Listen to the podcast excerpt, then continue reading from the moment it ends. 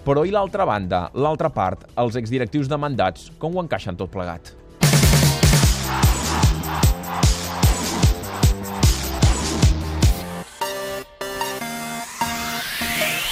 Doncs ho sabem de primera mà perquè tenim en línia a l'Albert Perrin, exvicepresident del Barça i un dels directius que estan afectats per aquesta decisió de la Junta. Senyor Perrin, bona tarda o bona nit, Hola, que bona tarda tingueu.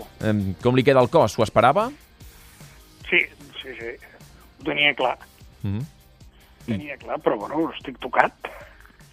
Però ho tenia clar que farien recurs. Això és allò d'aquí la té més llarga, no? Però bueno, estem en un ball, amb una música que no ens agrada, però tenim que ballar-la. No, no, no hi podem fer gaire cosa nosaltres, defensant-nos. Crec que amb aquesta decisió qui surt més perjudicat, però de llarg, és l'entitat, no? Cada vegada estem més als juzgats que no pas al camp. Ah.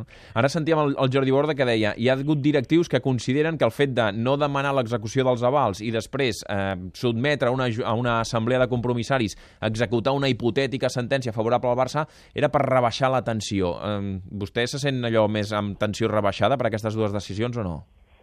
Mm, Miri, eh, és que arriba un moment que ja, ja, ja fa una mica de basca el tema, no? Eh, no, no sé què pretenen. No sé què... Bueno, sí que sé el que pretenen, guanyar. Guanyar.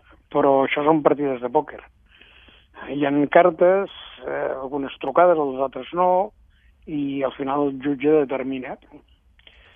Eh, si tornen a sortir perdedors, diu que ho portaran a l'assemblea la manipularan com la primera o, o la deixaran lliure perquè determini.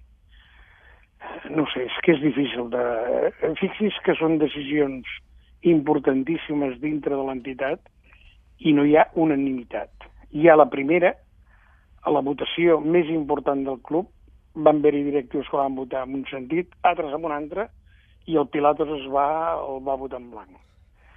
Eh, I que després va fotre al camp sense dir res a ningú. Vull dir, és, és difícil d'en- d'entendre la, la, aquesta junta, el seu procedir, la seva forma de gestionar el club. Mm. Es mouen molt millor i es troben més còmodes als tribunals que no pas gestionant un equip de futbol o un equip de bàsquet o de handball o de hockey, que és el que tenim nosaltres, no? Mm. És trist. Amb la decisió d'avui eh, es dinamita qualsevol possibilitat que hi hagi pau social en el que queda de mandat de Josep Maria Bartomeu i l'actual Junta? Bueno, vostè pot pensar que els directius que continuem amb el procés contents no podem estar-hi. I que tinguin sort i que els resultats, i ojalà tinguem sort, perquè sóc culer, i que els resultats els acompanyin una mica. Perquè és que si no acabaran de dinamitar el club. Eh, han parlat amb la resta d'exdirectius, amb el senyor Laporta, amb el senyor Justi? Mm, Encara no, no hi ha hagut ocasió, no hi ha hagut ocasió. Mm. Vull dir, no he sentit ni les... De, eh, sé coses de les declaracions del senyor Bartomeu a través de companys de vostès qui ha estat parlant. Però ara mateix també sentia una altra emissora el senyor Vicenç Pla que deia que ell ho veu clar i que no entén això perquè ell és el que ha posat la demanda i és ell el que la pot retirar. Aquí, aquí anava, senyor Perrin, bona tarda. Vostè veu el club um, capaç de convèncer un, un soci com sensibilitzat, com Vicenç Pla, perquè, perquè retiri la demanda d'execució dels avals? Mira, li faré un exemple que, que no, no vull faltar a ningú, eh? Però quan tu pactes amb la màfia, estàs atrapat per la màfia. I no, no, no, no m'igualen les paraules als, a les persones que estic parlant, no? Però és difícil, quan tu pactes o intentes buscar perquè t'ajudin, després és difícil que els portis una altra vegada al redil. I el senyor Vicenç Plau, el senyor eh, Robert Blanc, doncs, bueno, tenen el seu criteri, el seu pensament, la seva idea, i hasta ara doncs, ells han seguit i han continuat, no?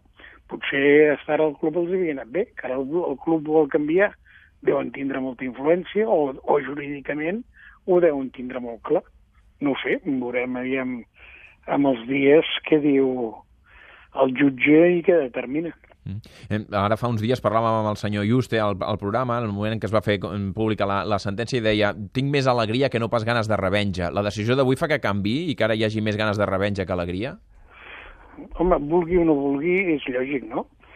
Vull dir, la sentència, que crec que si l'analitzem i la mirem fredament, era... no hi havia ni guanyadors ni perdedors, no? Vull dir, podia deixar ambes parts contentes, no? Ells havien aconseguit una sèrie de coses, vull dir, havien tancat l'exercici 2010 amb uns números, eh, segons el jutge havíem tingut unes pèrdues considerables, el còmput general ens deixava un benefici mínim de 4 milions, bueno, hi havia eh, alegries, o tindrien que haver hagut alegries per ambes parts. Sembla ser que no, que volen més encara, volen més. Llavors eh, és difícil que la part demandada pugui estar satisfeta, no? Uh -huh. eh, pensaves que ja s'havia acabat, que el malson que havia durat quatre anys ja havia passat, i ara te'n dones compte que continua i que aviam quan dura. Eh, creu que en la decisió d'avui de la Junta Directiva o en la, en la decisió d'algun dels directius d'avui hi ha tingut incidència, per exemple, la compareixença ahir del senyor Laporta o en els últims dies les declaracions que, que han fet vostès? Ja més trist, si això els té que afectar, encara em preocupa més encara els, els, els, els valoro menys. Um, jo vaig estar ahir a la, a la roda de premsa del senyor Laporta i l'únic que, va, que va dir és el que jo ara podria dir o que havia dit el dia d'abans. Vull dir, no crec que dies, crec que va estar bastant agradable, bastant comunicador, va contestar tothom. Vull dir, ojalà tinguéssim presidents que comuniquen i parlen amb aquesta facilitat, no? Potser és que estàvem acostumats aquests quatre últims anys que no hi ha hagut aquesta interlocució amb la presidència del Barça. No sé, no, no, en cap moment vaig veure que fos agre o que fos punyent. Les coses que va dir, doncs, bueno, que, que el jutge havia determinat que no havíem fet tan mala gestió, que és la realitat, que és el que ha dit el jutge. Vull dir, han sigut set anys, els quals deportivament s'han aconseguit uns, èxits, uns èxits eh, inigualables. Ojalà es tornin a igualar, però que mai es havien produït socialment el club va fer un creixement espectacular i, mm, bueno, havíem tancat després dels 4 anys amb 4 milions de benefici, sense eh, tacar la camiseta, eh, bueno, sense una sèrie de coses. Estàvem satisfets. No era potser el que nosaltres ens pensàvem o creiem, però bueno, ja estàvem satisfets. No, no, no, no pensàvem presentar recurs perquè ens diguessin no, a més de 4 hem guanyat 40, no, ja en teníem prou. Bueno, no és el que havíem dit, però bueno, acabem el malson, passem pàgina, mirem endavant i pensem en futbol, que és el que m'agrada, però ells eh, suposo que volen més coses. Mm -hmm. eh, L'última, senyor Perrin, eh, què té més? Allò, empipament, decepció, tristesa? Tristesa, tristesa.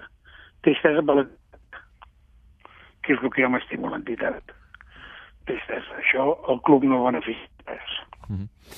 Senyor Albert Perrin, exvicepresident del Futbol Club Barcelona, gràcies per atendre'ns i bona nit. Gràcies a vostès.